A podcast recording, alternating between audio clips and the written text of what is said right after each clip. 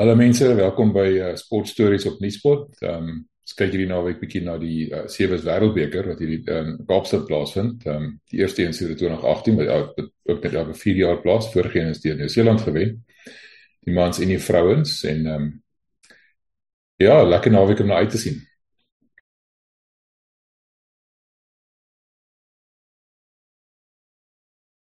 Ja, soos ons weet, dit is die afrigter Neil Pell se laaste toernooi hierdie ehm um, hy was al 15 jaar by die Bokke betrokke, by die Blitsbokke en uh, of uh of as 'n speler of as 'n afrigter en uh, hy het sy merk gemaak. Ehm um, hy word wyd beskou as een van die beste die nie beste die beste sewees afrigter in in die wêreld rugby nie.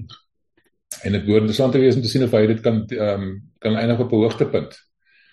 Uh ons het die Statebond spele gewen onlangs, maar toe slag uit die bus het geval met die Los Angeles uh toernooi ons was voor op die puntelys, maar omdat ons in die pool stadiums uitgeval het en verloor het teen ehm uh, die FSA en Nieu-Seeland en net net gewen het in Kanada, kon ons nie meer punte aanteken nie en toe het uh, Australië ons verbygevat en die kampioene vir die reeks geword.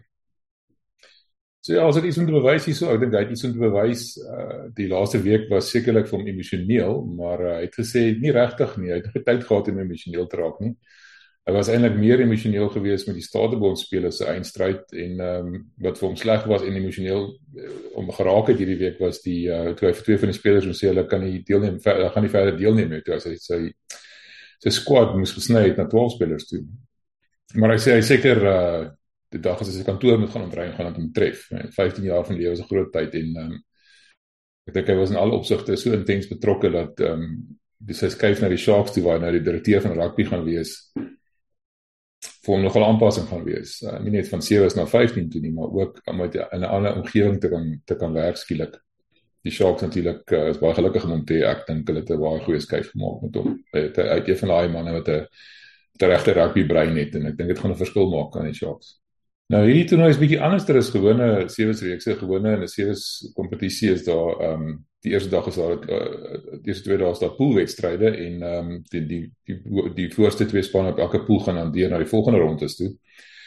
Hierdie wêreldbeker werk op 'n uitklopbasis en ehm um, dit beteken as jy verloor as jy uit weet om nou die toernooi algeheel te kan wen. Ehm um, dit uh ja met 'n bietjie kop bymekaar om om die verskillende permutasies na te kan kyk en te kan verstaan maar ehm um, As alles uitwerk soos dit moet, dink ek Suid-Afrika kan dalk teen Fiji te staan kom in in die eindstryd Sondag aand. En ek sien nou dat hulle ook albei uitkom. Dat die top 8 keer spanne in die in die toernooi word hulle gaan outomaties deur na die eerste ronde toe of die ronde van 16, maar voor dit gespeel word word daar 'n pre-round van 16 gespeel. En wat vir ons hier as Afrikaners van belang is, is die wedstryd tussen Chili en Duitsland. Nou die wenner van daai wedstryd is die span teen wie ons te staan gaan kom. In ons eerste wedstryd, ehm um, En altyd is nou nie jy is bekend vir rugby nie, maar wat interessant is hierso is dat die afrigter van Duitsland is Philip Snyman. Ook 'n voormalige Vrystaatse rugby speler en 'n Springbok sewe kaptein. So ek dink dit uh, tog 'n redelike persoonlike ding daar.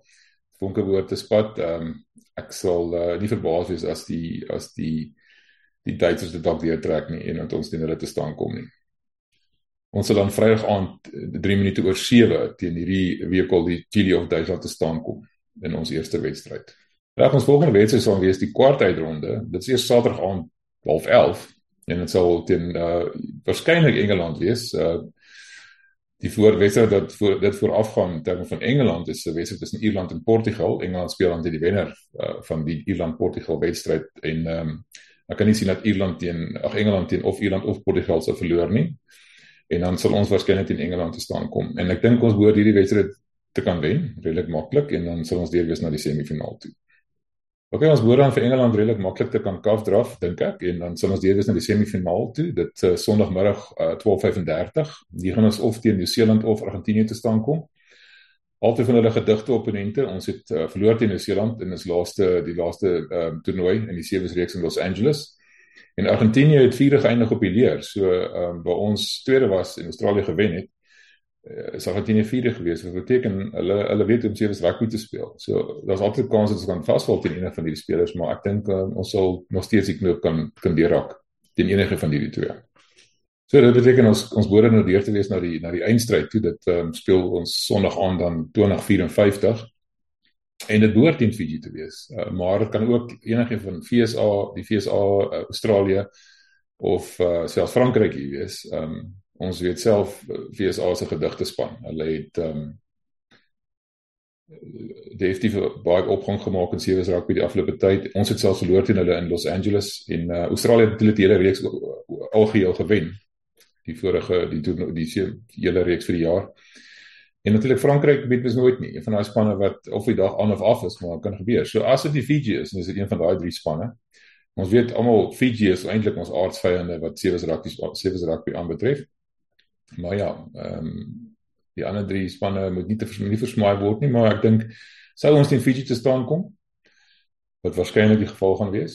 Touch wood ehm um, sal die voordeel van die tydskare, die uh emosionele komponent daarvan dat coach Neil sy laaste toernooi het en uh, alles daartoe bydra dat ons hierdie hierdie hierdie toernooi daar kan wen.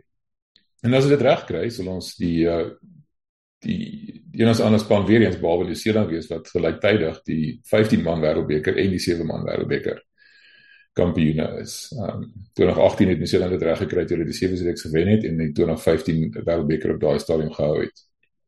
Natuurlik, en vergeet die vrouens speel ook hierdie naweek nie. Ehm um, Paul, Paul Delport, die afrigter het 'n hele paar van die vrouens van die 15 ehm um, man of 15 vrou formaat af ingebring. Maar hulle heel eerste wedstryd is in die tweede keer in Frankryk en ek so veel as ek hulle wil ondersteun kan ek nie sien dat hulle hier by hierdie ekkie gaan verbykom nie, maar ja, you, you never know. Dit sê dis uitklop formaat, dalk is ons gelukkig. Kom ons hou maar duim vas. Nou dis 'n vlugtige kykie, dis die pad wat ons gaan loop. Ek dink ons gaan teen Fiji opeindig in die in die finale en dink ons gaan dit kan kan, kan wen. Vrouens dink ek gaan vasval. Ja, ek dink die atmosfeer gaan elektries wees en ek sou wat wou gee om daai stadium toe kon gewees het dit dit te kon beleef.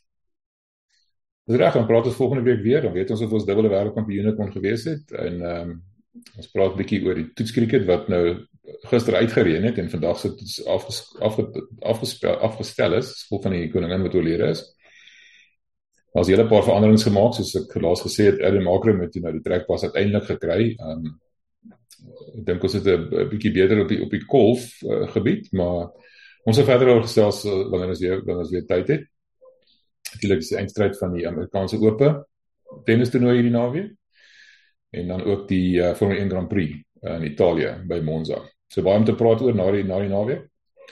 Ek hoop hierdie sê julle help om te verstaan. Die sewe se rugby kan nogal baie ingewikkelde formate hê soos die naweek aangaan omdat alles so vinnig gebeur. En veral met die uitklop formaat, so hopelik het hierdie praatjie 'n bietjie 'n uh, duidelike prentjie geskets. Ons hou dan vas. Praat volgende week. Groet groetnis. Nuuspot. Die tuiste vir Afrikaanse stories agter die nuus. Thank you.